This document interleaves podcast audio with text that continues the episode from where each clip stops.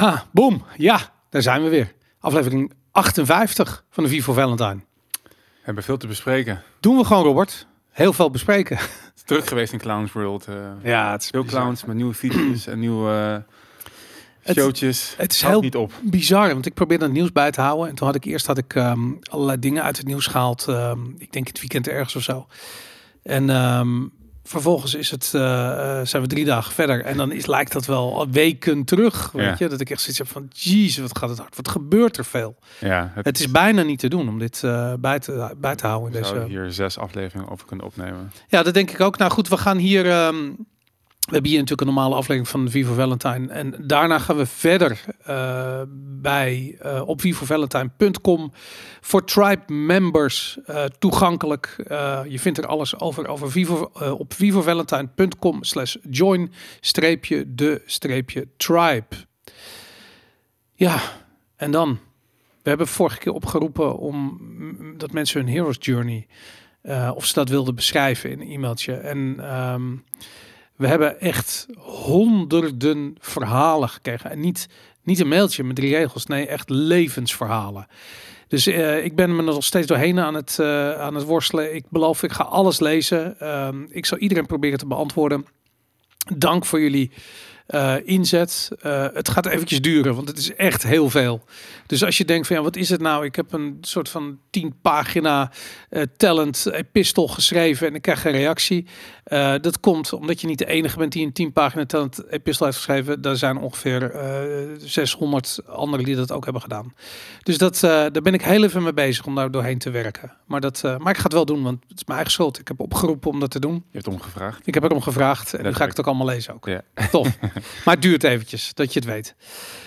Um, heb waar jij, te beginnen? Ja, we moeten beginnen. Weet je, ik wil eigenlijk even iets, iets, iets heel banaals bespreken. En ik wil nooit helemaal heel uitgebreid over economie en dat soort dingen. Maar ik heb altijd wel het idee van alles wat er gebeurt heeft een soort economische achtergrond.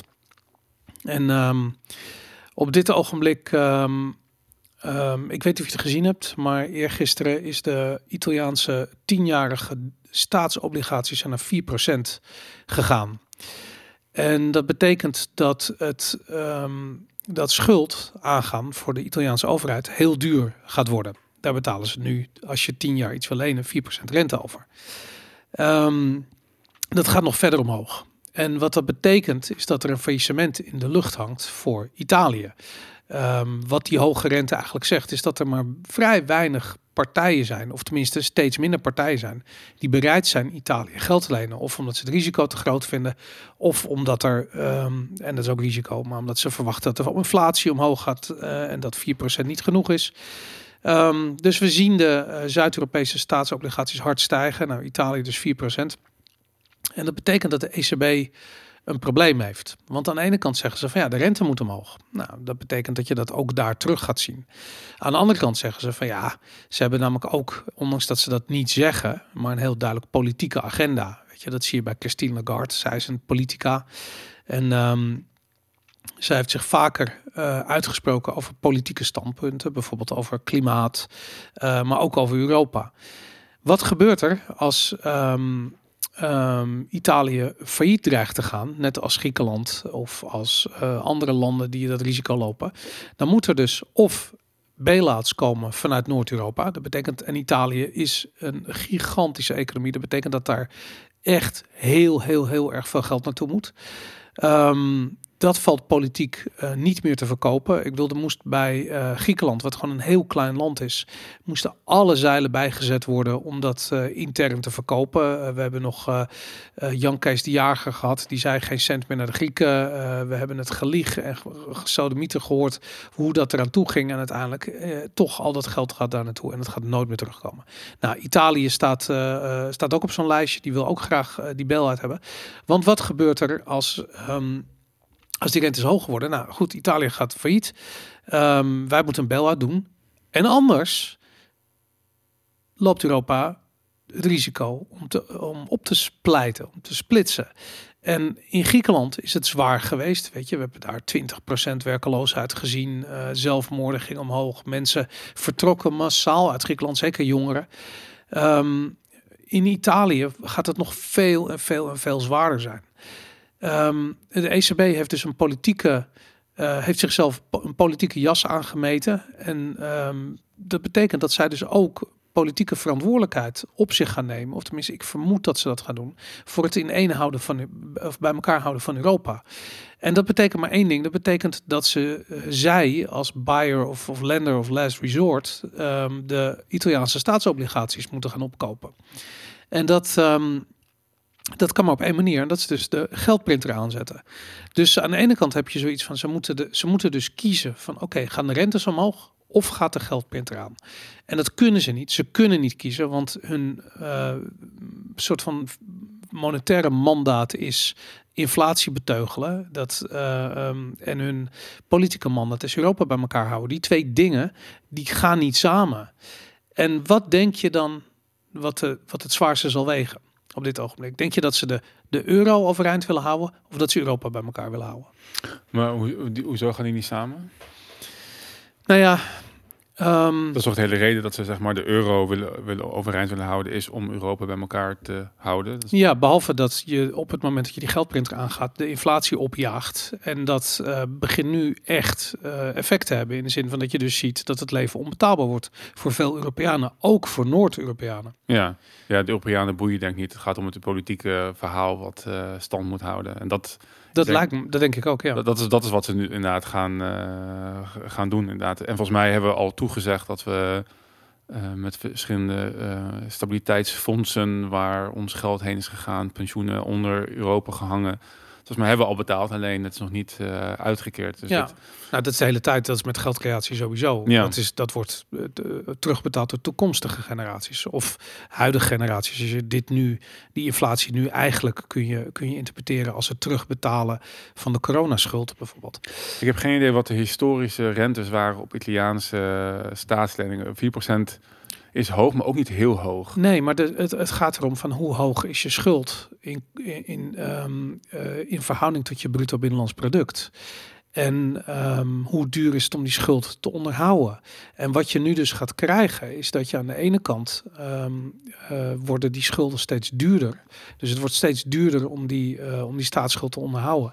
En aan de andere kant verliest de euro uh, zijn koopkracht. Dus dat betekent dat er gewoon heel veel meer belasting bij moet komen, want geld wordt minder waard. Dus er moet meer belasting gegeven worden. Dus je komt in een soort, soort doemspiraal terecht van hele zware inflatie. En als je niet oppast, gaat dat naar hyperinflatie toe. Dat, dan, dan, dan krijg je dus, uh, weet je, we, gaan we gaan zo meteen naar Turkse, uh, Turkije-achtige toestanden toe, -hmm. waar ze nu 100% inflatie per jaar hebben. Nou, we zitten nu Weet je, als je toch energie hebt, zitten we op 100% per jaar, bij wijze van spreken. Mm. En dat kan in andere sectoren ook rustig gebeuren. Dus dat. Um, de, ECB, maar mijn, mijn punt is eigenlijk dat de ECB dus niet gaat ingrijpen in dat inflatieverhaal. Maar dus geld zal blijven creëren. Omdat ja. uh, Europa bij elkaar, politiek gezien bij elkaar moet worden gehouden. Mm -hmm. En de bevolking gaat daar de prijs voor betalen. Wat weer gaat leiden tot onrust onder de bevolking.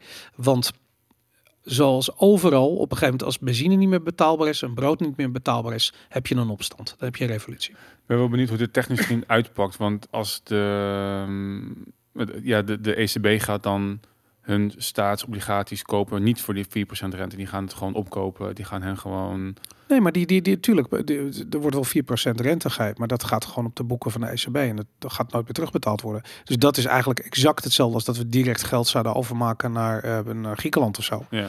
Uh, dat gaan we ook nooit terugkrijgen. Nou, dit gaat ook nooit terugkomen. Alleen nu komt het dus in de boeken of op de balans van de ECB te staan. Mm -hmm. En dat, dat hebben we al gezien uh, de afgelopen twee, drie jaar. Dan zie je dat die balans op de ECB is gewoon echt heel hard gegroeid. Ja. En dat is de inflatie die we nu zien.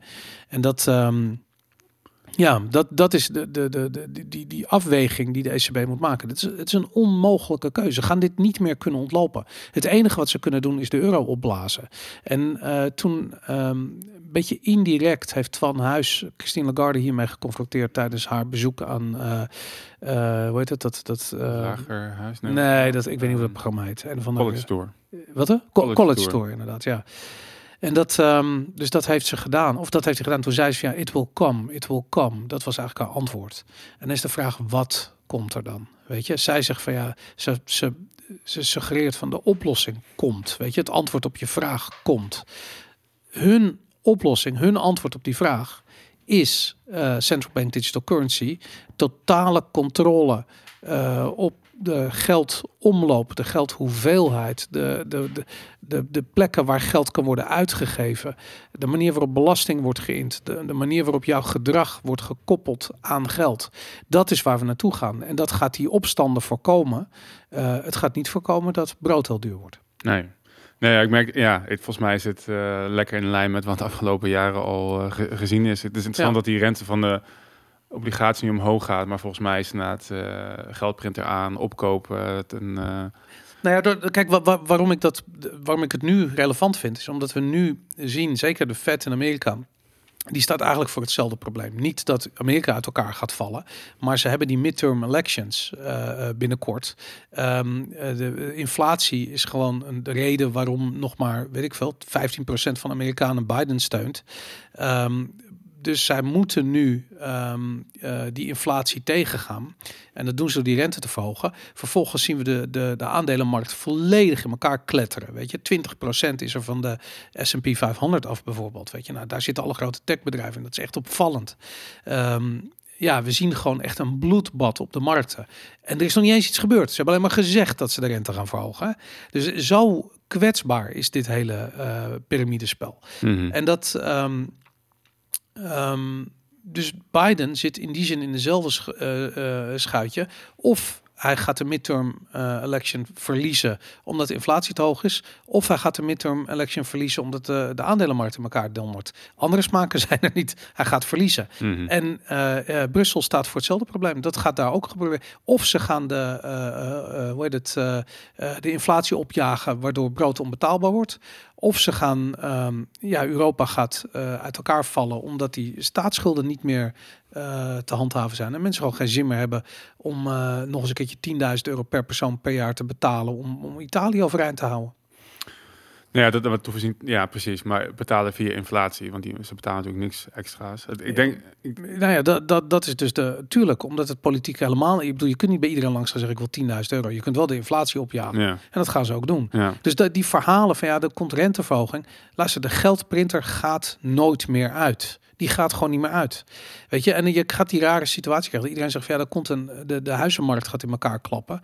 Ja, weet je, heel goed mogelijk. Maar dat wil niet zeggen dat de huizenprijzen ook in elkaar gaan klappen. Ik denk dat zometeen niemand meer een hypotheek krijgt. En dat, is een, dat, is, dat, dat gaat zeker zorgen voor een correctie in die huizenprijzen. Maar je gaat niet um, uh, het probleem of het effect van geldcreatie uh, zien verdwijnen. Dus dat, um, ja, het zijn, wat dat betreft, het, het is, uh, het is zo'n rare tijd. En uh, ik, we, hebben het volgens mij wel eens gehad over het boek When Money Dies. Dat gaat over Weimar uh, Duitsland. Daarin wordt eigenlijk een, een soortgelijk, een soortgelijke padstelling omschreven. En die leidt tot hele hoge volatiliteit. En volatiliteit is dat prijzen gewoon ontzettend schommelen. En dat kan zometeen het kan nog veel krankzinniger. Dus we zien, nu zien we een, een crash van de aandelenmarkt van 20%. Zometeen gaan we een crash zien van, weet ik veel, 30, 40 procent.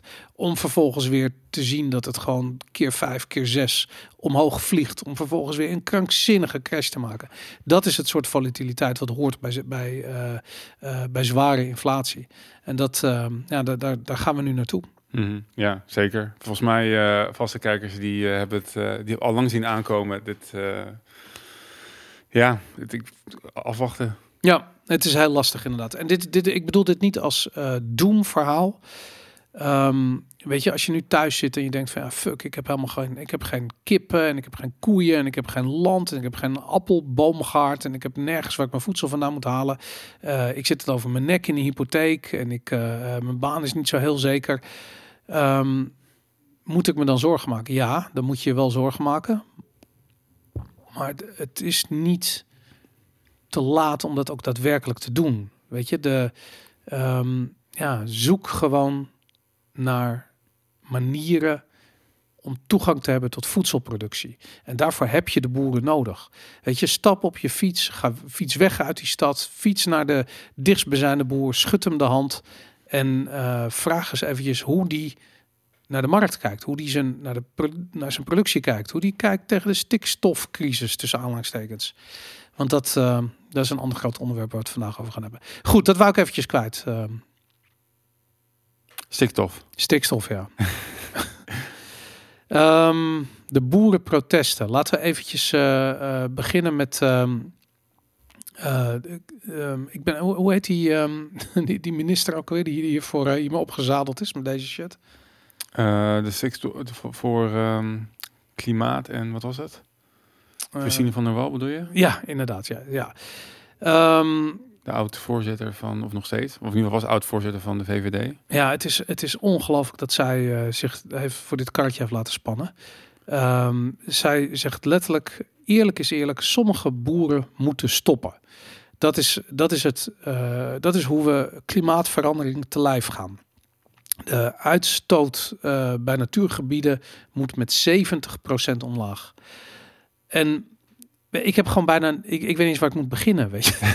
ik bedoel, moeten we het hebben over hoe krankzinnig eh, de stikstofcrisis is. Deze bedachte non-crisis. Nou ja, misschien wel, ja. ja? Misschien is dat wel een goede. Volgens mij, ik, we hebben een keer een uitzending gedaan met Arno Wellens, waar die ook het over stikstof had. Ik, het was volgens mij niet het onderwerp van de podcast, maar het kwam wel Ja, eh, voorbij. Ik zat ook nog even, omdat we voor de uitzending te kijken naar ehm in dat zijn artikel wat hij over heeft geschreven. Er is helemaal geen stikstofcrisis over hoe het precies, precies in elkaar zit.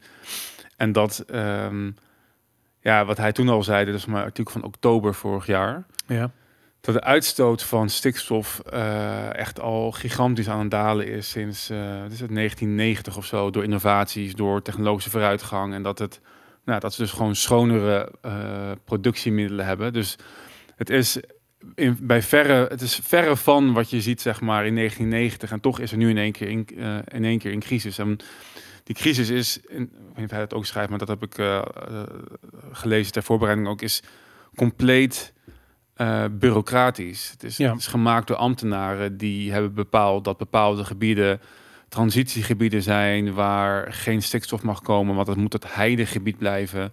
Eh, en als er stikstof in, eh in terechtkomt, dan wordt het, kan het wel als bos worden. Nou, Ja. Dat wil ik niet hebben, want het staat bij de EU te boek als, als heide en dat moet beschermd worden, weet ik veel wat.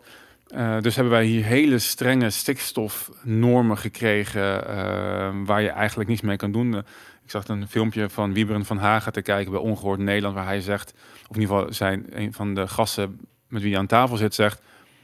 ehm, dit, de stikstofnormen die wij hanteren houdt in dat er één hond een drol mag leggen per jaar en dan kom je al over je stikstof eh, hoeveelheden heen. ja. Nou, dus dat is het niveau waar we hier over, eh, over aan het praten zijn. Nou, en het, en het bizar is, Nederland eh, heeft zo weinig... Kijk, als je al denkt dat een toename van CO2 in de atmosfeer leidt tot een opwarming van aarde, wat absoluut, ondanks wat elke mainstream media kutkanaal zegt dat de wetenschappers het daarover eens zijn, dat zijn ze helemaal niet. Eh, sterker nog, er zijn hele eh, eh, sterke aanwijzingen dat er geen relatie is. En het eerder andersom is dat een opwarming van de aarde zorgt eh, voor een toename van CO2 in de atmosfeer. En wat is nou het geval? De, waar, de aarde warmt helemaal niet op. Hij koelt eerder af. Ehm nou goed, ik wist niet dat we het hier eh, op dit niveau over gingen hebben. Anders had ik de linkjes er even naar de onderzoeken er even bij gehad. Ik, er is een, eh, een wetenschapper, Marcel Krok, op, zit ook op Twitter, die, die dit op de voet volgt. Ik heb hem een keertje geïnterviewd bij, bij BNR Nieuwsradio. En ehm, dat is gewoon iemand die de, de ehm, ja, hoe zal ik het zeggen, de, de ehm, gewoon heel erg het kaf van het koren scheidt. Die haalt Mhm. de politieke boodschap uit al die onderzoeken en kijkt gewoon wat blijft er dan nog van over. En dan zie je gewoon van het hele de stikstofcrisis, tussen Alex, is gewoon de zoveelste crisis door de overheid gecreëerd eh, met een om, om een alternatief doel eh, te behalen. En dat doel, ehm, ja, het ziet er heel aan, heeft niks met klimaat te maken. Nee, ik vraag me af hoe ver dit, ehm, hoe ver dit nog zeg maar, wordt, wordt geloofd door, door mensen. Ik had van de week had ik in de T voor, eh V voor Valentine Telegram groep een, eh, de laatste peiling van Maurice de Hond gedeeld. Ja. En daar zie je dus dat de BBB nu virtueel de en dat was zondag, dus eigenlijk was het voor deze hele ongein, of tenminste Ja. misschien net, net daarvoor. Ik neem aan dat ze dan vrijdag en zaterdag een beetje hebben uitgevraagd en zondag kwam die peiling uit. Uh-huh. En daar was BBB al de, de derde partij van Nederland.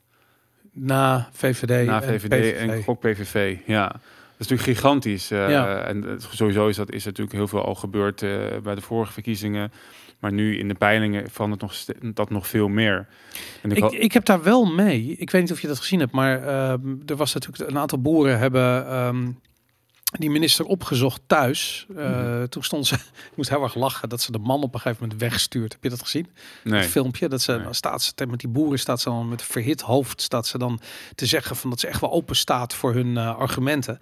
En dan wil haar man wil, wil erbij en dan zegt ze echt zo als een klein kind wordt hij weggestuurd. Zo, ja, nu even niet. Wordt hij weggestuurd. Dan, zie je hem zo verdwijnen. Maar dat ehm, Dat, is- dat zit in die VVD'ers, net zoals Rutte, die eh, Ja. gelooft niet in liefde. Nee, Dit ze, zijn, dit ze zijn de ook niet mensen, in liefde. nee. Het zijn de mensen die de VVD runnen en dus ons land runnen.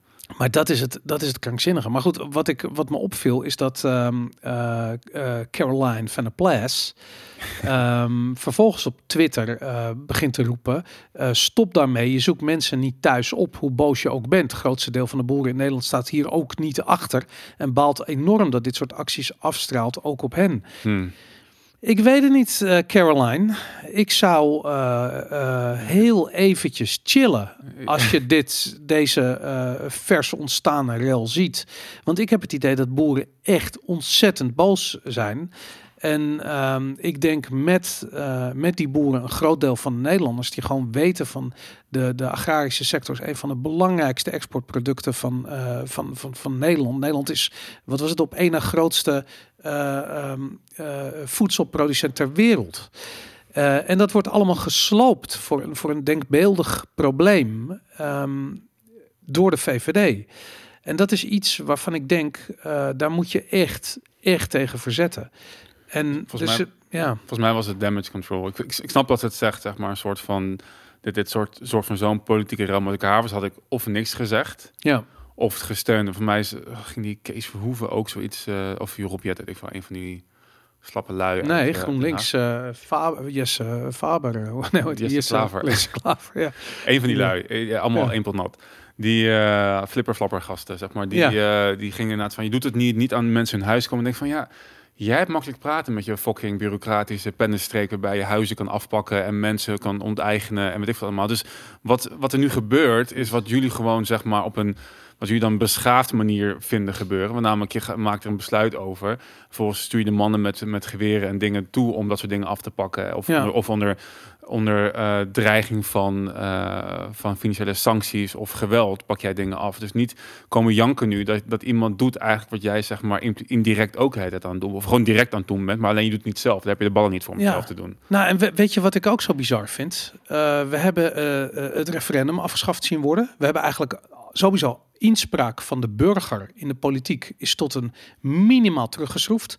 Als de burger al iets vindt, dan eh, liegen politici erover en houden zich niet aan afspraken. Eh, zeker bij de VVD is dat gewoon standaard.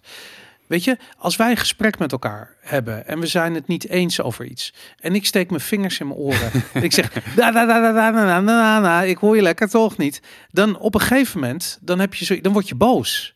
En dat is wat hier gebeurt, weet je. Ik bedoel, als je niet wil, en daarom is vrijheid van meningsuiting zo belangrijk.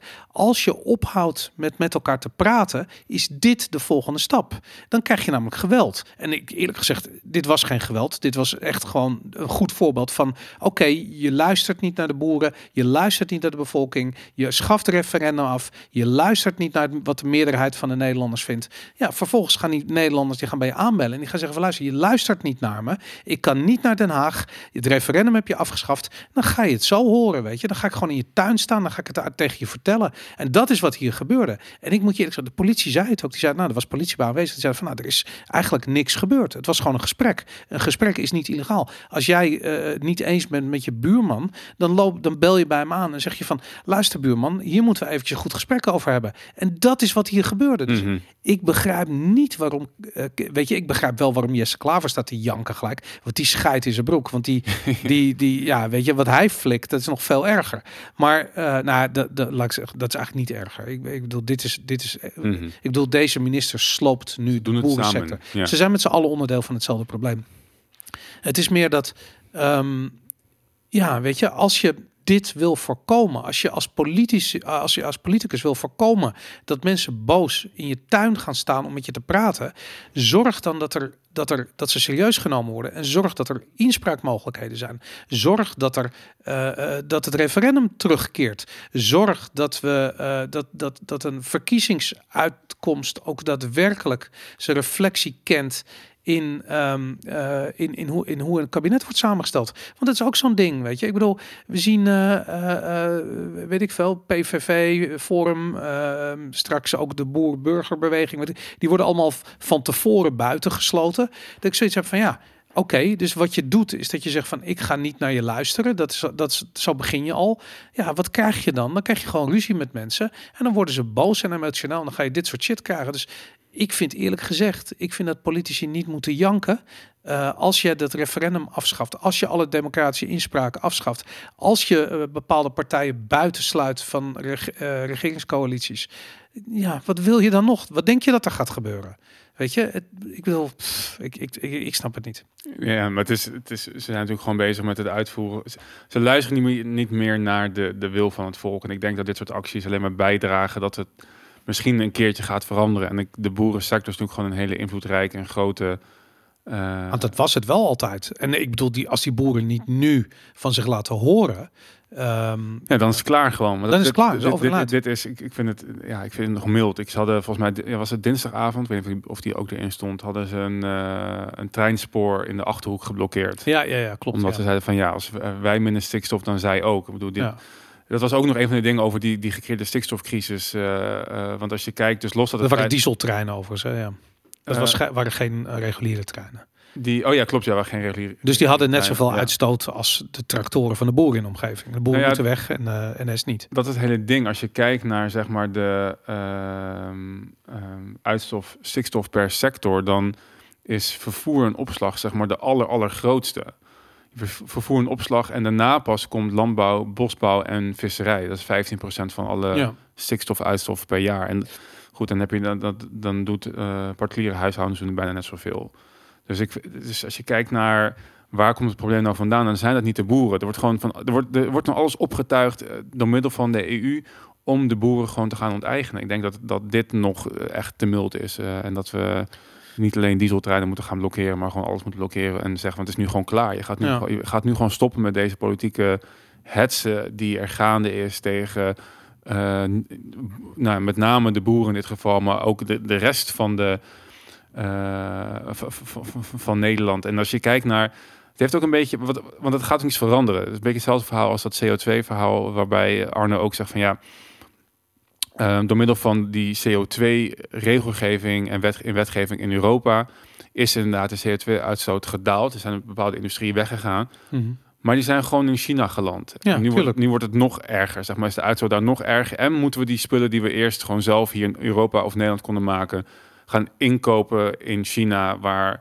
los van hoe daar aan toe gaat, uh, heb je nog eens dus de vervoers- en uitstoot. Als dat, je, als, dat, als dat nou echt een probleem is, nog eens een keer van daar naar hier.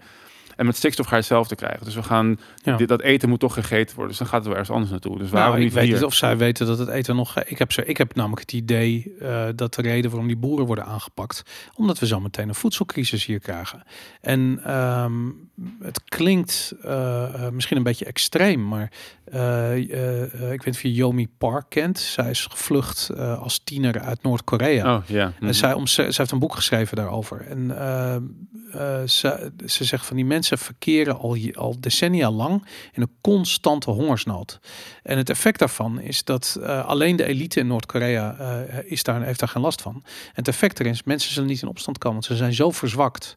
En uh, weet je, toegang tot voedsel is al heel lang, echt al, dat was in de middeleeuwen zo, is dat gewoon, of, daarvoor zelfs al, is uh, in tijden van oorlog of strijd, wordt ingezet als een soort van uh, pressiemiddel. Weet je, ik bedoel, de, als jij een revolutie wil uitlokken bij de buren, dan zorg je dat ze niet meer tevreden hebben. Weet je, en dat als jij je volk wil klein houden, nou, dan, dan is dat blijkbaar ook de manier om te doen. Doe je het iets rustiger, zodat de schok wat minder groot is. Ja, dat is wat hier nu gebeurt. Weet je, ik bedoel, voedselprijzen gaan sowieso uh, straks door het dak heen. Voedselproductie gaat terugvallen. Nou, dat, we gaan hetzelfde effect krijgen op die voedselprijzen als wat je nu met de olie- en gasprijzen ziet. Weet je, dat. Um... Maar denk, denk je, ik, ik heb altijd moeite met zeg maar dat die, want het komt weer bij van een, een, een komt weer op de oude discussie slechtheid versus domheid. En ik blijf, ik blijf, merk ik, elke keer helemaal naar de, naar de ook naar de docu waar we het uh, zondag over gaan hebben van um, The Power, of Nightmares. Ja.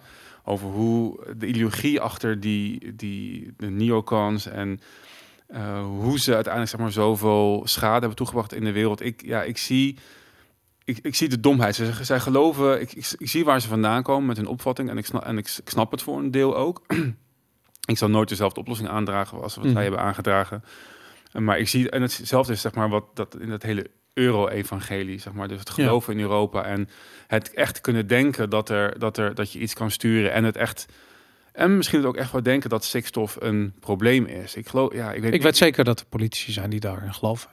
Ja, en dan denk ik van, ik weet niet of, of, of zeg maar het, uh, tenminste ook vanaf hoe je het ziet, want ik vind het heel extreem klinken na dat de uh, boeren uit Nederland worden weggewerkt om een, tenminste zo klinkt dat nu, om een voedselcrisis in de hand te werken, of ja. om mensen zwak te houden, zodat, weet ik wel, als het CBD maar, komt. Maar hoe kun je een andere conclusie trekken? Ik bedoel, de boeren worden, wordt het ja, leven mogelijk. Dus.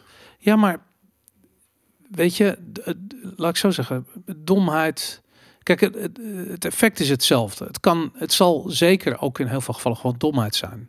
Maar ik bedoel, je, je hoeft toch geen uh, raketgeleerde te zijn om te begrijpen dat als je uh, de boeren het leven onmogelijk maakt en ze gaat onteigenen, dat dat gevolg heeft voor de prijs van de producten die ze produceren.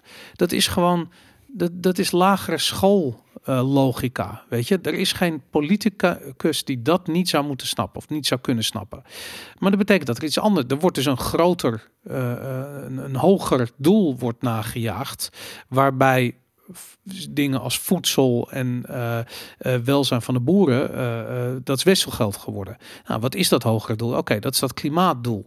Maar en, en je zou kunnen zeggen van dat is ik denk dat, dat de, de, die crisis is absoluut gecreëerd.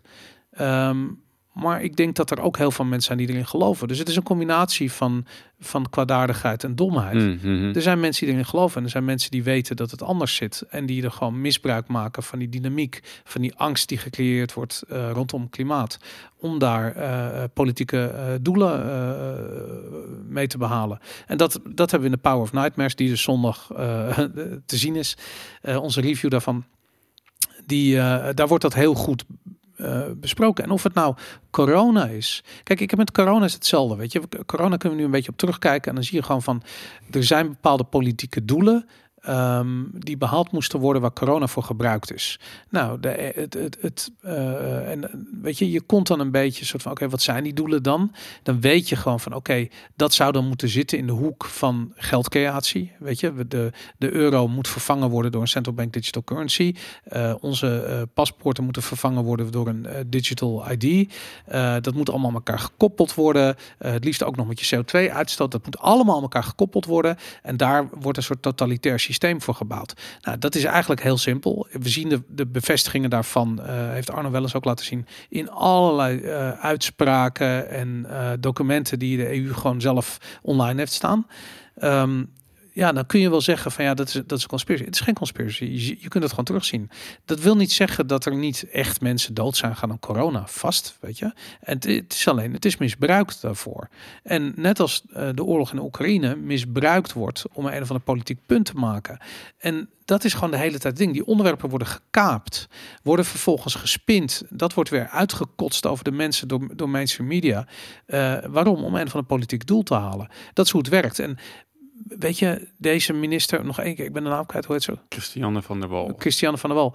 Dat zijn gewoon useful idiots, weet je. Die laten zich voor een karretje spannen van een groter politiek doel. Nee, precies. Nee, maar dat is, dat is inderdaad in die, in die hoek zie ik het ook inderdaad. Het wordt misbruikt en er zijn inderdaad heel veel, heel veel useful idiots uh, ja. die... die eh, datgene waarvan jij zegt, dat moet ieder politicus weten. Ik denk dat niemand dat weet, zeg maar. Nee. Dat niemand dat snapt en dat iedereen denkt... Uh, eh, of denken eigenlijk amper. Maar het maakt ze toch ook belangrijk. Als jij nou echt gelooft van ja, klimaatverandering, dat is, dat is wat ons echt bedreigt. Dan maar een paar boeren minder, weet je. En dan denk je, ik ga het gewoon regelen. Ik ga het gewoon doen. En je slaat met je vuist op tafel en je, je, je, je doet een interview in het AD, weet je. Nou, dan, dan is dat wat je krijgt, weet je. Dan krijg je dus ook, uh, uh, ja, dan voel je jezelf even heel belangrijk. En ja, we moeten gewoon, uh, ik weet niet wat ze zei ergens, ze zei echt iets van, ja, de boeren zijn aan de beurt, weet je. Sommige boeren zijn aan de beurt of de boeren zijn aan de beurt. Weet ik wel. Weet je je wie er aan de beurt is? Ze, die, die, dit soort politici zijn aan de beurt. Want Ja. dit is gewoon, dit, dit, dit, dit werkt zo ontzettend ondermijnend voor onze samenleving. En ik denk, ik hoop, ik denk dat Nederland eh, nog niet zo kapot is eh, dat we dat gevoel van eenheid kwijt zijn. En ik denk dat dat gevoel van eenheid belangrijk is om deze generatie politici te vervangen met politici die wel in staat zijn om te kijken naar het volk en wat democratischer te werk gaan. En Nee, op, Eh. gewoon af te schaffen. Ik blijf van afschaffen. eh, helemaal eens. Maar, maar goed, misschien is- zitten er nog een paar stappen tussen. Nee, ja, misschien. Misschien nog niet. Misschien moet het gewoon allemaal weg. Volgens mij is de inderdaad het, het, het probleem met politici is dat hun, hun waarde hangt af van hoeveel problemen ze kunnen oplossen. Dus als ze niet zijn, dan gaan ze ze wel creëren. En dat zie je Ja. nu gewoon heel erg gebeuren. Eh, en, zich, en daar ook inderdaad hele, heel veel eigenwaarde aan ontlenen. En de mensen die niet in liefde geloven, hebben dus geen zelfliefde. Dus die gaan er met alle andere bullshit komen om zichzelf goed te voelen. En Ja. eh, ja, nee, het, het is... Het is ehm, Ik, ik, ja, nee, ik vind, ik vind het heel interessant. En ik, ik, ik vind het, eh, wat ik zo mooi vind aan deze hele situatie, is dat het stikstofprobleem, tussen aanhalingstekens, is letterlijk, maar ook figuurlijk, maar ook letterlijk een probleem wat door de overheid gecreëerd is. Het stikstofprobleem bestond daarvoor niet. Het is nooit een probleem geweest. In de, weet ik veel, in de geschiedenis van de aarde is het nooit een probleem geweest. Stikstof in, in niveaus zijn veel hoger geweest dan dat ze nu zijn. Ze zijn ook lager geweest, weet je. Het is, een, het is hoe dingen fluctueren. Het is maar de vraag in hoeverre de mens invloed heeft op dat eh, stikstofniveau. En, ehm, en nogmaals, weet je, ik, ik, ik beroep me eigenlijk alleen maar op de informatie die ik van onder andere Marcel eh, Krok, eh, Marianne Zwagerman.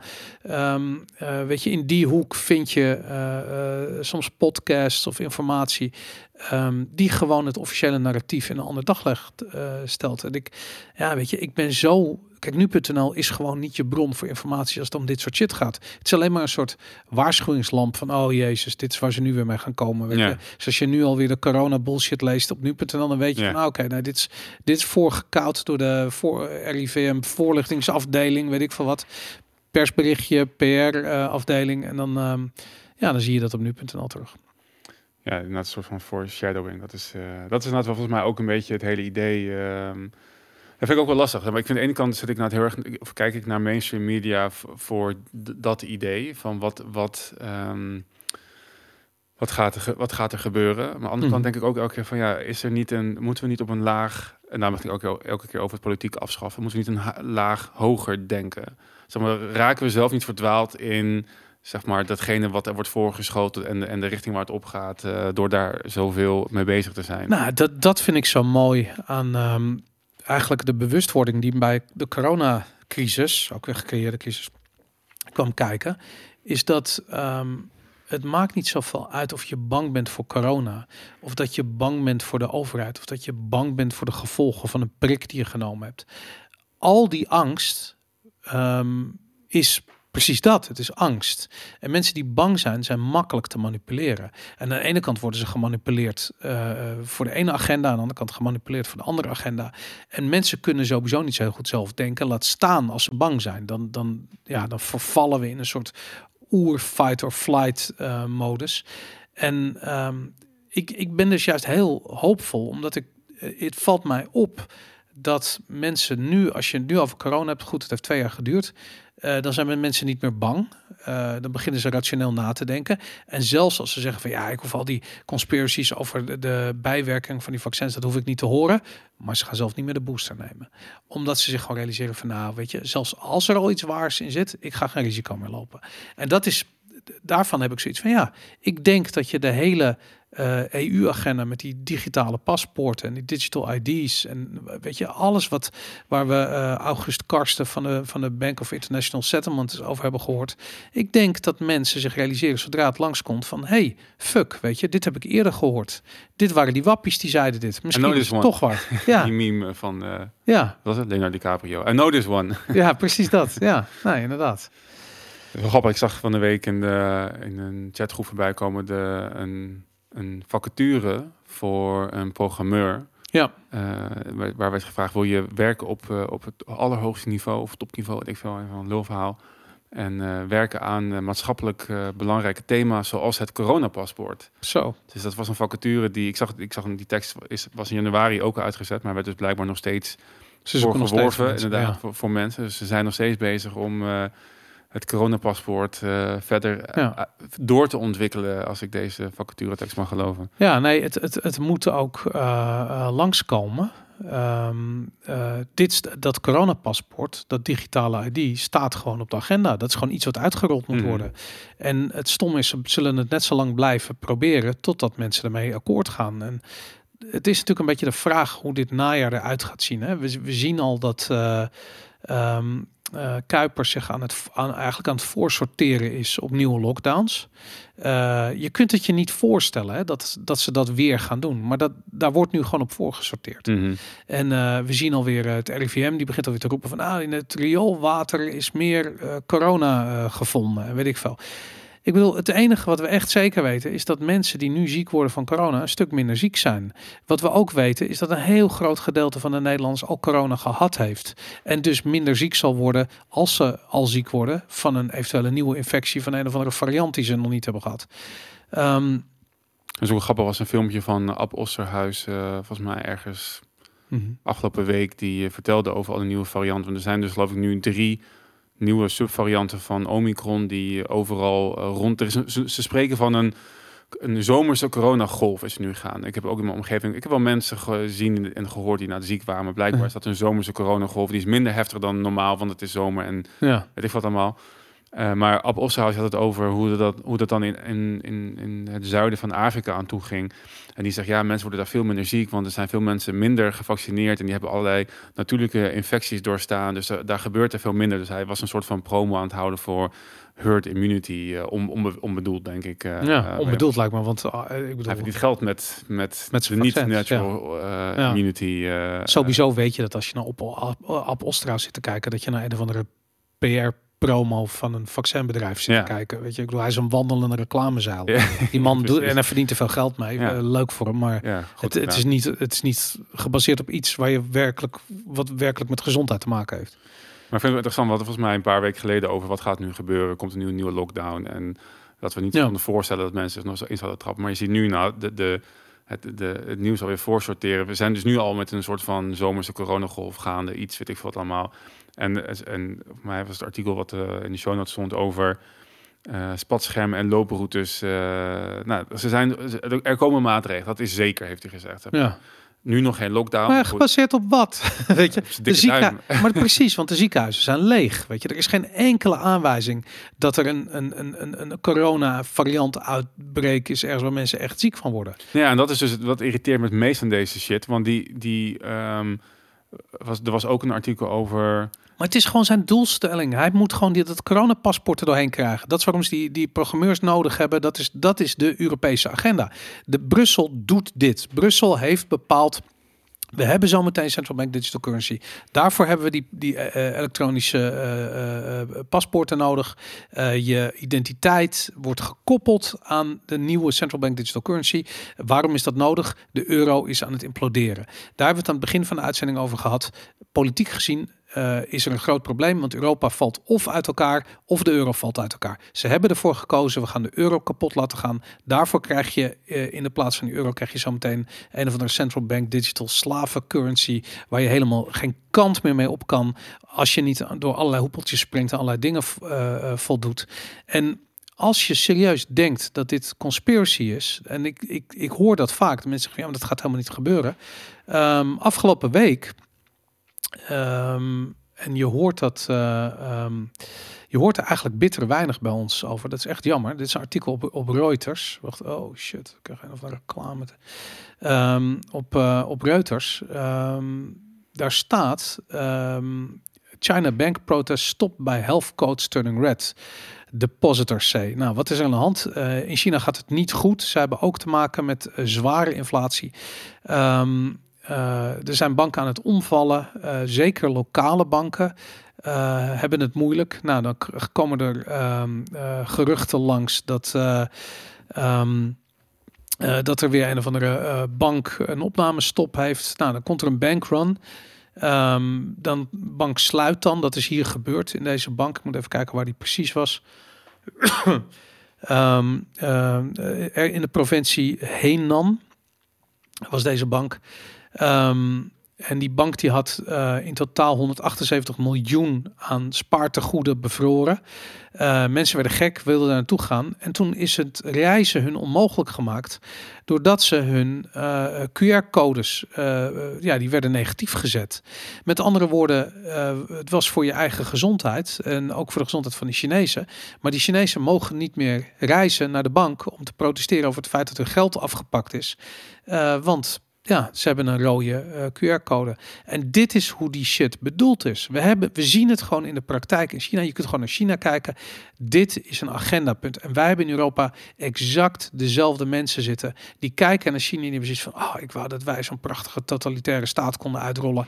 En ze werken er gewoon naartoe. En, dit, en die digitale paspoort en dat coronapaspoort en die bullshit... is gewoon uh, onderdeel van dat van die weg om daar te komen. En daarom denk ik ook van het is zo belangrijk. Mensen hoeven hier niet bang voor te zijn. Mensen hoeven niet bang te zijn voor corona. Mensen moeten gewoon niet meer meedoen daaraan. Ze hmm. moeten het gewoon loslaten. Het is niet belangrijk. Het doet er niet toe. Uh, uh, um, jouw bedrijf. Um, weet je, jij hebt het fundamentele recht als mens om je bedrijf te runnen. Weet je, om de, de vruchten van je arbeid te plukken. En um, ja, het probleem is dat, dat onze rechters zo ontzettend corrupt zijn en D66 zijn. Maar als ze inderdaad naar de Europese Verdrag voor de Rechten van de Mens hadden gekeken, uh, hebben gekeken, dan zouden ze kunnen zien uh, dat, het, dat dat bestaat. Dat dat veel belangrijker is dan die lokale uh, spoedwetjes die eigenlijk nergens op gebaseerd zijn. Er is geen spoed, er is geen noodtoestand. Het is gewoon een puinzooi. Gezellig. Ja, ik ben een beetje een rant ontstoken. Maar het komt omdat het, weet je, ik, ik, ik vind, we roepen dit nu al, uh, al, al 58 afleveringen. Ja, ik vraag me ook af of mensen, jij zegt van ik heb mensen die, die vinden bullshit. Ik, ik hoor die mensen echt niet. Ik, ik hoor echt niet die mensen die denken dat het niet, dat het niet gaat gebeuren, zeg maar. Dat de, de lockdown niet gaat gebeuren? Nou, niet de lockdown, maar ook bijvoorbeeld het Central Bank Digital Currency. Dat is gewoon, ik bedoel, digitale euro, dat, heb je gewoon beleidsstukken van. Dat is niet een conspiracy. Dat kan je gewoon niet eens meer conspiracy noemen. Je kan, je kan de, de lijntjes die wij verbinden met dit, dit, um, dit wordt corona wordt misbruikt om het in te luiden, zeg maar. Die, daar kan je vraagtekens bij stellen. Maar dat gaat komen is gewoon een zekerheid. Dat, ja. daar zeggen ze, dat zeggen ze zelf ook gewoon. Uh, en daar, ik vind het gewoon ook interessant, wat ik net over had, is dat die, die wat ik me aan irriteer, is dat, uh, en het komt natuurlijk inderdaad omdat er een andere agenda achter zit, maar dat uh, het idee waar we ooit zeg maar, bij corona bij begonnen zijn, is, en de coronamaatregelen, is dus om inderdaad het aantal ziekenhuisopnames te verminderen. Het ging niet om minder doden, minder zieken, dat, dat hadden ze al zelf al toegegeven, dat is het probleem niet. En nu komen ze dus weer met een soort van flimsy verhaal van ja, het doel, het doel is om de samenleving zo lang mogelijk open te houden, maar we weten niet, we weten niet hoe. En daarom gaan we hem sluiten. Ja, daarom gaan we geen plannen maken. En dan gaan we dus uiteindelijk weer moeten sluiten. Dat is net zoals dat de afgelopen vier keer gegaan ja. is.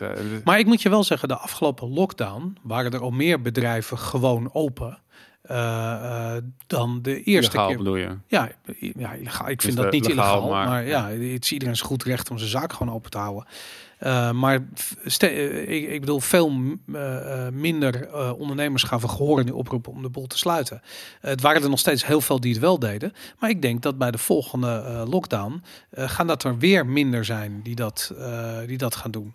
En um, ja, ik weet het niet. Wat je wel kans hebt ook, is dat het dit soort corona uh, uh, onzin gebruikt gaat worden als excuus om protesten de kop in te drukken. Want ik denk dat we zo meteen ook protesteren. Als die voedselprijzen zo meteen de lucht in schieten. Um, als brandstof nog een keertje over de kop gaat, wat ook heus nog wel kan gebeuren. Um, als alles zo ontzettend duur wordt dat mensen gewoon echt niet meer kunnen leven, ja, dan, dan gaan ze protesteren, weet je. Dan ga je wat je nu bij die, uh, bij die minister thuis ziet, dat ga je straks overal krijgen. Nou, en dan de coronamaatregelen kunnen gebruikt worden om dat de kop in te drukken. Wat, uh, wat ga je doen op het moment dat het weer een lockdown gaat hier? Uh... Ik, voor mij bestaat het niet meer. Ik doe er niet aan mee. Maar, maar al, en als alles dicht is hier? Hoe bedoel je alles dicht? Of, als of ja, ik bedoel, uh, of denk je dat mensen allemaal niet meer gaan meewerken aan, uh, aan, aan, lockdowns? Want vorige keer had je, kon je, mocht je boodschappen doen, maar de sportschool was dicht. Of tenminste, dan kon je in met een corona, dat ga je weer krijgen. Het coronabewijs wordt weer opgetrommeld natuurlijk. Ja. En mag je alleen maar overal naar binnen met zo'n uh, coronapaspoort. Ja, nou, dan ga ik de booster halen natuurlijk. Wij allemaal. We allemaal. Wie niet? Kom op, we doen het voor elkaar. Ja. Ja.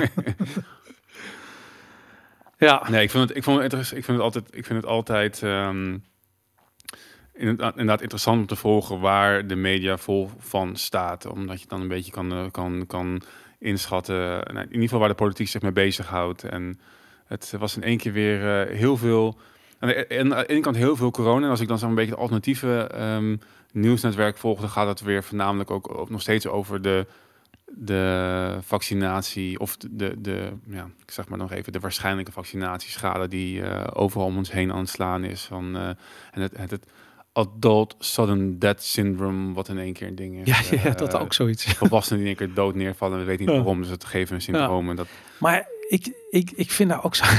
Ik bedoel, ik begrijp het, weet je. Ik bedoel, er komen onderzoeken en het duurt even en weet ik veel. Maar weet je, ik zag eh, eh, Justin Bieber, die eh, de helft van zijn gezicht was verlamd. En die Ja, een of oh ja. andere aandoening.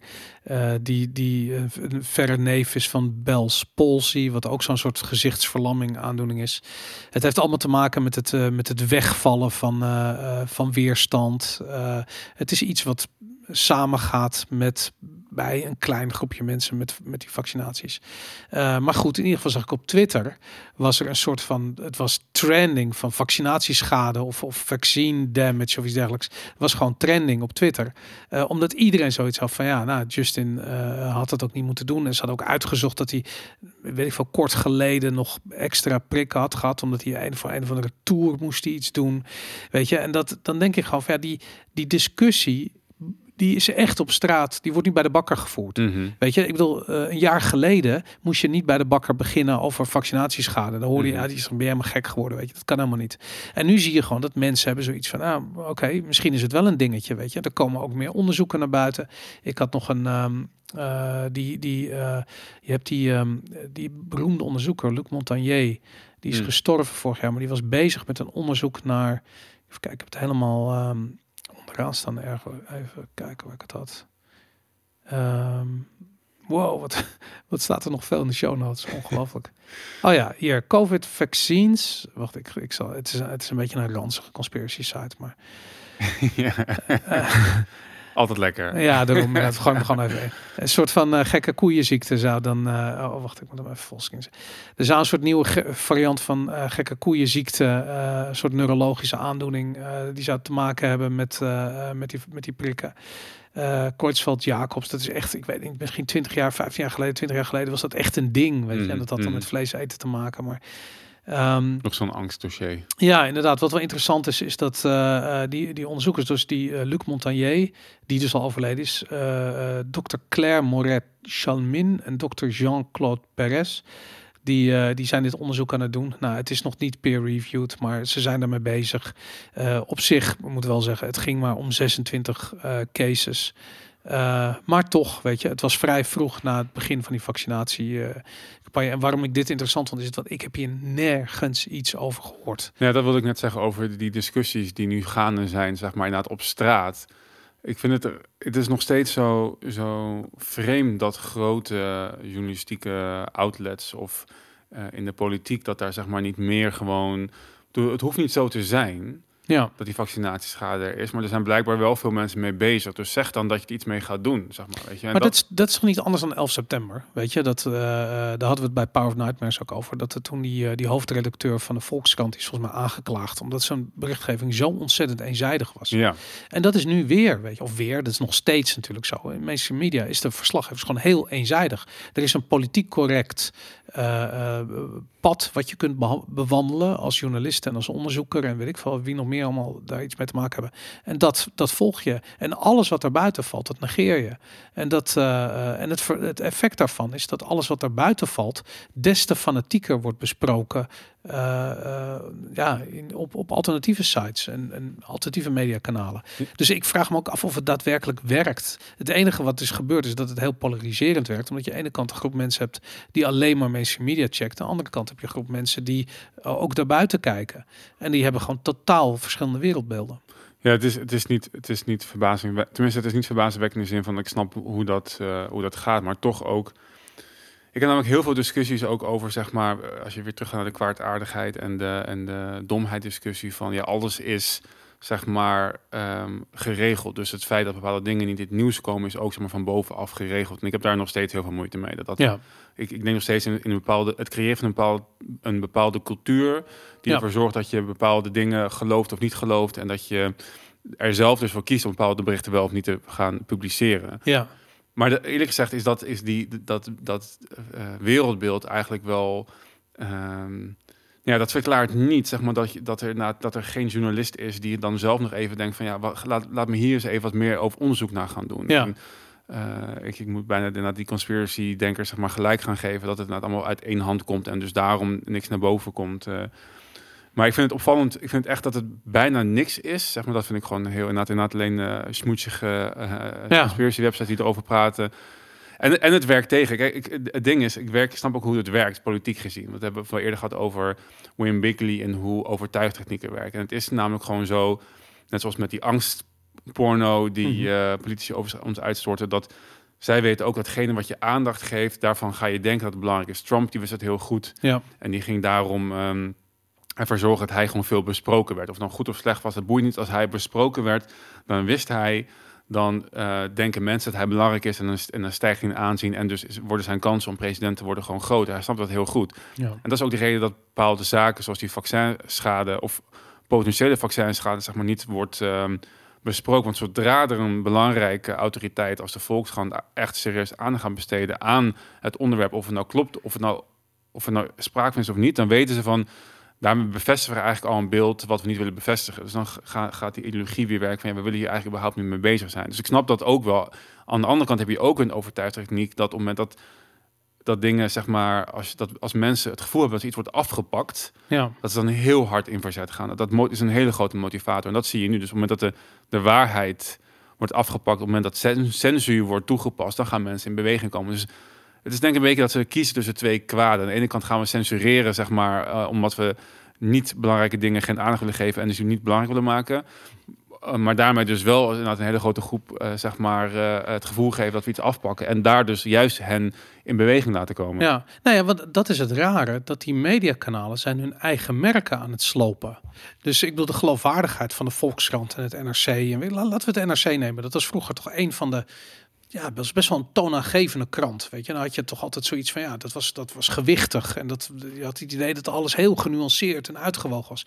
Nu, het is gewoon dezelfde bullshit roeptoeter die ze allemaal hebben. En omdat ze zo eenzijdig zijn, eh, ze gaan er, ze, ik bedoel, ze zitten er geheid naast. En het eh, alleen al om het doodsimpele feit dat alle medische ingrepen en behandelingen een risico met zich meebrengen. Ik bedoel, er zijn mensen die gaan dood aan het slikken van paracetamol. Ik zeg maar wat. Ehm, betekent dat dat je geen paracetamol moet slikken als je hoofdpijn hebt? Ik weet het niet. Dat moet je zelf weten. Maar daar heb je een bijsluiter voor. En het staat ook gewoon in die bijsluiter. Als jij de bijsluiter leest van, eh, van, van, van, van die prikken die je haalt, dan schrik je je helemaal de tyfus. Maar laten we eerlijk wezen, al die bijsluiters schrik je helemaal de tyfus. Omdat medicijnen gewoon doorgaans eh, eh, niet altijd een goed idee zijn. Nou, dat is gewoon een genuanceerd beeld. Waarom daar niet aan? wa- waarom kun je dat niet zeggen? Weet je, ik bedoel, het staat in de bijsluiter. De fabrikant zegt zelf van je luister, hier kun je, weet ik veel, bloedklonters en weet ik veel wat voor ellende kun je ermee krijgen. het is toch zo, weet je, het staat in de bijsluiter. Schrijf erover. Nee, dat doen we niet, want dan, eh, want het is niet de politieke agenda. Dan heb ik zoiets van ja, mensen hebben zoiets van we zijn niet gek, weet je. Ik bedoel, dat is toch raar. Ik bedoel, wat is het voor een? Maar het is gewoon PR, het is gewoon propaganda geworden. Dat is wel leuk. Ik ben al lang niet in, in Amerika geweest. Maar normaal gesproken ga ik natuurlijk elk jaar naar Amerika mijn familie te opzoeken. Maar daar, heb je, daar zijn farmaceutische reclames gewoon toegestaan. Hier is dat niet Ja. zo. Dus daar heb je allerlei shit wat de hele dag de revue... Het is of letselschade advocaten. We give you money. Have you been injured? We give you money. Call us 900, weet ik veel wat. Of inderdaad van eh, dan de, de, de cells, weet ik wat voor shit ze allemaal hebben om hoe die shit heet, zeg maar, allerlei, ehm, tegen allerlei kwaaltjes. En dan hoor je inderdaad een hele, zie je eerst een hele depressieve persoon die het allemaal niet meer zit zitten. En dan, eh, dan in één keer dat medicijn ontdekt en dan is alles weer beter en goed. En dan de laatste vijf seconden zo van, eh. Heel snel, ja. Echt zo'n riedeltje Ja, van... je been valt eraf in je hoofd, Ja, ja. eh, gaat er achterstevoren en eh, waarschijnlijk krijg je kanker, maar dat maakt niet uit. Dat is allemaal Ja, dat is ja, weg, en dan weet je wel. bijna. Dat, dat, dat, dat moet je aan denken. Van, het- het, is, de, het is inderdaad geen geheim. Ze maken in Amerika zoals reclame van, van alle bijwerkingen. Dat moet namelijk... eh, eh, Die moeten genoemd worden, ja. Het moet genoemd worden, dus dat doen ze dan eventjes op keer 2 speed, zeg maar. Komt het dan voorbij. Maar dat, dat mag inderdaad. Die nuance is... Maar dat is ook wel denk ik de downfall van, van alles wat je nu zegt. Namelijk het feit dat CNN en al die instituties gewoon eh, ten gronde gaan. Maar ook de politiek, doordat ze niet meer luisteren. Is omdat, omdat ze die nuance niet meer aandurven en kunnen. En het is zo inherent menselijk, zeg maar. Dus dat menselijke verhaal waar we het vaak over hebben, dat... Dat komt gewoon elke keer weer bovendrijven. Dus dat, Ja. dat, dat is hier ook gewoon mee. En dan, dan maar geen NRC, zeg maar. Dan maar podcast. En eh, Ja. dan- dan maar geen politiek. Maar dat is maar sowieso natuurlijk al aan het gebeuren. Hè? Ik bedoel, Ja, het ging al 100%. slecht met de kranten. Het ging al slecht met, eh, met die traditionele media. Nou, dan komt corona langs en hebben ze gewoon... Het is natuurlijk ook zo dat als mensen bang zijn, klikken ze meer op die artikeltjes. Ja. Dus dat, dat is wat we bij CNN was op een gegeven moment zo'n klokkenluider. Of tenminste iemand die was undercover gefilmd op Project Veritas. En die zei dat ook. Zo van, van angst verkoopt. Weet je, dus dat betekent dat ze dat angstnarratief flink gaan aanjagen. ze zeiden ook van na corona komt klimaat. Dan gaan we dat wel maar doen. Nou, inmiddels kijkt niemand meer naar CNN, want ze zijn het gewoon zat. Mhm. En dat, ehm, dat, dat voel ik heel erg in mijn omgeving. Maar en nogmaals, dat zegt helemaal niks. Eh, ik heb gewoon het idee dat mensen klaar zijn met bang zijn. Weet je, in ieder geval klaar zijn met corona. Omdat ten eerste de meeste mensen hebben het al gehad. Eh, die weten dat het allemaal niet zo, eh, niet zo vaart loopt. Ja, weet je, ik bedoel, waar moet je nou werkelijk bang voor zijn? Weet je, oké, ja, dan kan je niet naar de sportschool. Dat is echt kut. Maar ik, ja, ik, ik weet niet hoe het met jou zit, maar ik ben eh, eh, eh, ook toen de sportscholen weer open waren. ehm, ik ben minder naar de sportschool gegaan en meer andere vormen van sport gaan opzoeken. Meer gaan fietsen, zwemmen, weet je, dat soort dingen. Gewoon in de zee dat soort dingen. Dat, ja, ik weet het niet. Ik denk dat, dat, eh, eh, dat veel mensen dat zijn gaan doen. Die zijn gaan wandelen, weet ik veel. Die zijn andere dingen gaan doen dan, ehm, dan naar die sportschool gaan. Ja, ja, ik ben af, ja, afgelopen dagen toevallig weer gegaan. Maar het is helemaal, het is- een beetje eruit. En ik denk, eh, toen ten tijde van corona heb ik eh, in garages en buiten en met allerlei andere shit zitten trainen. En dat, Ja, nou, als het weer komt, ja, ik ben wel benieuwd. Ik heb namelijk wel het gevoel, ik, ik had eerst, zei ik van ja, het, ehm, het, het, komt, het komt eraan. Tenminste, het, het, gezien de berichtgeving eh, komt, komt eraan. Maar ik hoop dat ik het fout had. Vorig jaar zag ik het niet aankomen, toen kwam het er wel aan. Ik zeg, ik hoop dat het nu andersom is, dat ik het wel aan zie komen dat, dat het niet komt. Maar ik, dit soort berichten denk ik toch weer van... Ik, ik, denk dat, ik denk dat mensen het wel zat zijn, maar ik vraag me ook af hoe actief mensen gaan zijn. In, in verzet gaan tegen dit. maar je hoeft niet te actief in verzet te gaan. Je moet juist passief in verzet gaan. Je moet gewoon niet meer meedoen. Ja, maar ik denk dat dat dus niet gaat werken. Ik denk Waarom dat- niet? omdat ze dan gewoon alles uit gaan rollen. Dan gaat alles gewoon weer dicht. En dan, en dan Maar wat moet je dan doen? De- De Albert Heijn in brand steken? Nee, niet Albert Heijn, maar weet ik veel, het gemeentehuis of zo. Dat is geen advies. Nee. ik, ik, ik, vind ik sowieso altijd bijzonder. Dat al die protesten gaan, net zoals bij Black Lives Matter, gaan altijd richting particulieren. Ik denk, gast, je moet de, de IRS of wat de fuck Ja. ook in de fik gaan steken. Ja, maar ik, ik, ik denk eerlijk gezegd, het klinkt al stom, maar het gaat mij om die angstdynamiek. En ik denk dat het belangrijk is dat mensen niet meer bang zijn en dat niet meer meedoen eh, met die, met die eh, ehm, dat uitspreken dat je niet meer meedoet, is denk ik het belangrijkste vorm van protest die je kunt doen. En niet meer dat mondkapje opzetten en niet meer eh, je houden aan de onzinnige, arbitraire regeltjes van een paar bureaucraten die niet onze intrinsieke mensenrechten respecteren. Ehm, ja, ik denk dat je daar niet. Weet je, het is net als een als de village idiot op een eh, op een bankje in het park aan het schreeuwen is dat de wereld vergaat.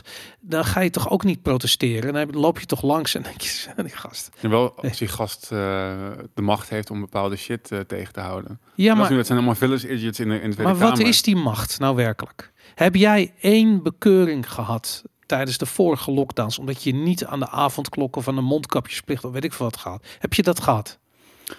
Eh, nee, maar ik ben ook niet heel veel buiten geweest. eh, ik heb, na de ik heb me nergens aan gehouden en ik heb ik ben geen bekeuring gezien. En ik, weet het niet, weet je. Maar wat is... Maar ze zijn natuurlijk, ze zijn er wel geweest. Ik bedoel, het Er zijn vast mensen die bekeuring hebben gehad. Ja, vast. Dus, Ja, ik, ik niet. En ik ben het ook niet gaan ontlopen. En ik heb toen met die lockdown ben ik gewoon, weet je, ik ben gewoon op de fiets gestapt en naar een vriend toe gefietst en weet ik wat. Toen kwam ik een politieauto tegen onderweg zelfs. Die reed gewoon door, weet je. En ik had gewoon zoiets van, ja, ik denk ook eerlijk gezegd dat het niemand de ene klap meer kan schelen. En zo voelt het ook. En als je op die manier ernaar gaat kijken, dan merk je ook een soort van, weet je, tuurlijk, die allereerste lockdown heb ik ook discussies gehad met, met weet ik veel, met eh, een of andere kassa jongen die bij de deur stond van een Albert Heijn, die zei dat ik een mondkapje op moest, weet je. Ik denk dat, dat die tijden hebben we echt wel gehad. Niemand cares. En dat is, dat is denk ik het, het grootste protest. Je hoeft niet eh, boos te want in die woede wordt ook doorgeslagen naar de andere kant. En ik, ik heb juist zoiets van, je, je moet er bovenuit stijgen. Je moet het laten. Weet je, Rutte en Kuipers, het zijn de village idiots. Die staan op een bankje in het park te schreeuwen dat de wereld vergaat. Ja, het is kut voor ze dat ze de wereld zo zien, weet je. Het lijkt me vreselijk om Rutte te zijn en te moeten liegen. En, en een soort van de, de hielen moeten likken van eh, de bielen in Davos... die toevallig door fraude heel, veel, heel rijk zijn geworden. Ik weet het niet. Het, ik denk als niemand meedoet, als alle ondernemers niet meedoen, inderdaad, dat, dat is inderdaad het, het allergrootste. Maar ik weet niet of het daarmee ophoudt op die CBDC, daardoor niet wordt uitgerold, of het paspoort niet meer komt en zo. En ik denk dat daar Maar meer dat- voor nodig is. Maar dan- dat is het ding. Kijk, ik heb zoiets.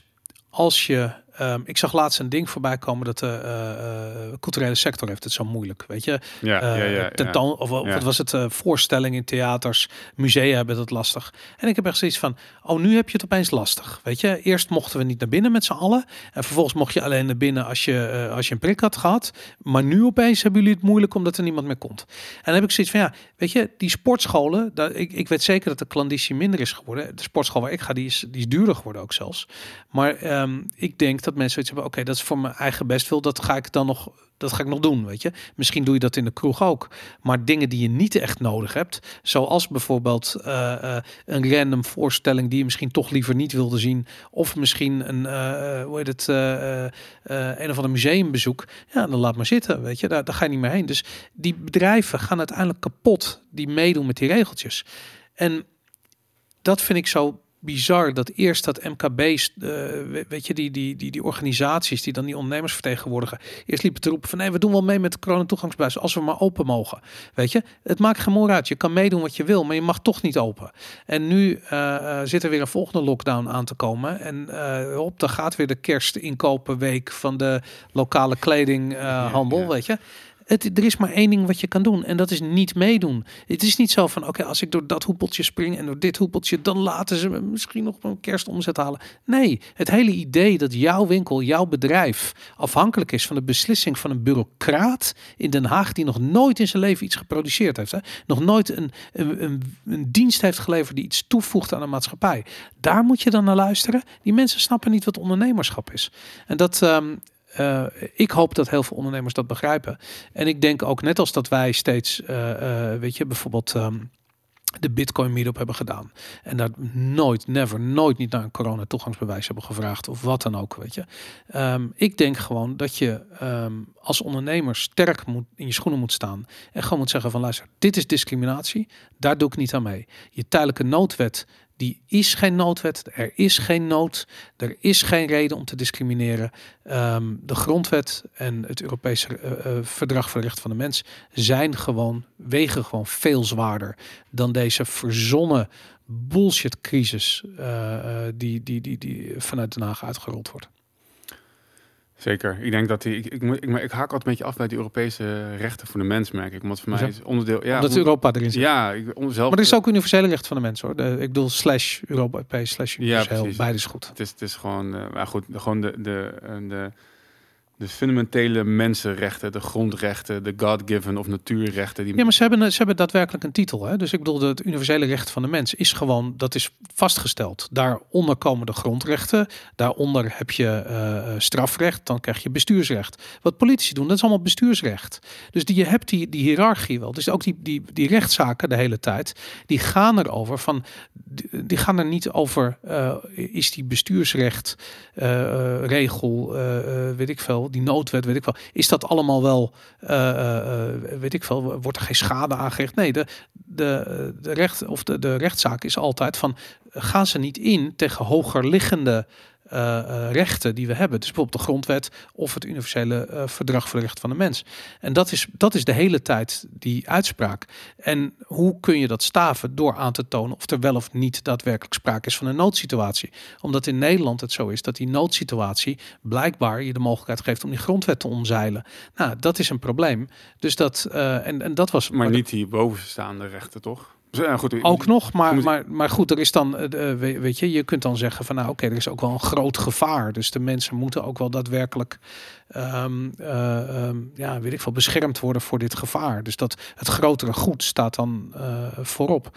En dat is het waar de corruptie van die, van die rechtspraak in zit. Omdat zo'n rechter bijvoorbeeld gewoon zegt van ja, ik denk dat we te maken hebben met een noodsituatie. Dus dan, dan, dan is dit geoorloofd. Ja, weet je, als je dan vervolgens niet inhoudelijk wil kijken naar wat die noodsituatie dan inhoudt. En dat wordt maar, nu maar natuurlijk. Even, maar die, in de grondwet staat toch niet, de, in het universele recht van de mens staat toch niet dat een noodsituatie een uitzondering is op je grond. Op de grondwet wel. Dat is volgens, volgens mij niet. In de grondwet, ja. Nee, in, in, de grondwet staat, de grondwet van ons bestaat niet. Want daar staat gewoon op het moment dat er een wet wordt gemaakt, nood of niet. Op het moment dat, de, dat er een wet is uh, die iets anders zegt, dan, dan is het anders. Zeg maar. Met andere woorden, de politiek bepaalt gewoon wat je, wat je rechten zijn. Maar, uh, nou, ik weet, dat, ik, dat is de grondwet van Nederland in ieder geval. Die werkt zo. Ja, ik geloof wel dat er een soort urgentie moet zijn. Nee. nee? Nee. Oké, nou ja, goed. In dat geval, uh, nou ja, goed dat de grondwet uh, niet, niet zo sterk is, dat wisten we in Nederland. Nee, precies. Maar goed, dan, dan zou je, maar dan, goed, dan moet je dus wel naar een Europese rechter toe om je gelijk te gaan halen. Um, omdat die Nederlandse rechters die zeggen, die verwijzen gewoon naar van nee, wij, wij, wij houden hier gewoon het bestuursrecht aan en dat blijft staan, want de grondwet biedt die mogelijkheid. Maar dat het verder onmenselijk is en niet redelijk is en niet strookt met de universele recht van de mens, ja, dan moet dan blijkbaar een andere rechter over oordelen.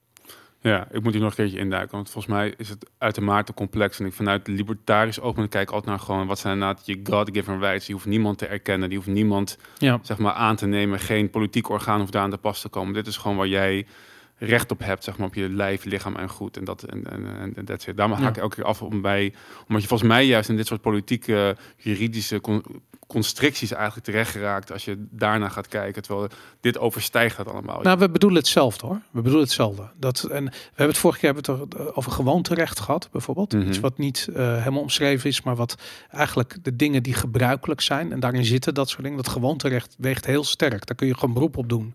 En daarin zitten dat soort dingen wat jij zegt, de God-given rights. Weet je, het gewoonterecht, het common law. Dat zit in dat perspectief. Van je zult elkaar niks aandoen. En niemand zal jou iets aandoen. Je hebt het recht op de vruchten van je arbeid. En je bent een vrijheid van meningsuiting. Al die shit. dat, dat, dat komt uit die gewoonte. Omdat ja, dat al duizenden jaren zo is. Ik moet nog steeds induiken. Ik heb nog steeds niet gekeken. Ja. Goed, um, uh, corona. Het, um, ja, we hebben het toch lang over corona gehad. Ik denk dat... Um, dat het een onderwerp is wat ook nog veel terug zal komen. Ik ben ook benieuwd. Laat eventjes in de comments weten of je ja, wat je gaat doen. Stel dat ze weer met lockdowns komen. Wat ga je dan doen? Laat het even weten in de comments. Ik ben gewoon benieuwd. Dat vind ik nou wel interessant. Ja. Hoe kijk je daar tegenaan? Weet je, ga je er hard tegen in of juist niet? Of doe je mee? Of, uh, of heb je zoiets van, nou, weet je, misschien laat ik het ga je weg? afglijden. Dus ga je weg? Ga je naar een ander land waar het misschien minder vervelend is? Uh, dat is ook een goede trouwens. Anyways, wij gaan uh, deze aflevering uh, stoppen. We gaan door nog op wievervalentine.com. Uh, als je nog geen Tribe member bent, wordt dat dan eventjes. Um, dat kan op vivavalentine.com slash join streepje de op zijn Engels streepje tribe. Uh, en daar kun je uh, ons supporten met een donatie. En dan uh, word je lid van de Vivo Valentine Tribe members. En dan kun je nog, dan gaan we nog waarschijnlijk nog zeker anderhalf uur door. Want ik heb zo'n gigantische lijst nog van wat er allemaal gebeurd is afgelopen week. verder wou ik nog eventjes zeggen dat we aanstaande zondag een recensie hebben van de Adam Curtis documentaire The Power of Nightmares. Die staat gewoon openbaar op vivovalentine.com of op YouTube. Daar gaat hij ook op dit kanaal gewoon in première. En uh, verder, uh, ja, vergeet niet te abonneren op ons kanaal. Ik zie niemand abonneren op ons kanaal. Dat blijft al heel lang een beetje hetzelfde. Mm -hmm. Dus um, als je dat nog niet gedaan, klik even op abonneren, klik even op liken, klik even op dat belletje. Dan krijg je een, een notificatie als we weer gaan een live en première voor je hebben. Allemaal heel belangrijk voor, voor de YouTube-algoritmes. Dat, uh, daar kun je ons mee helpen. Game the system. Help us game the system. Precies, dat is hem. Nou, uh, bedankt voor het kijken. Tot uh, volgende week. Of tot straks op vivavalentine.com.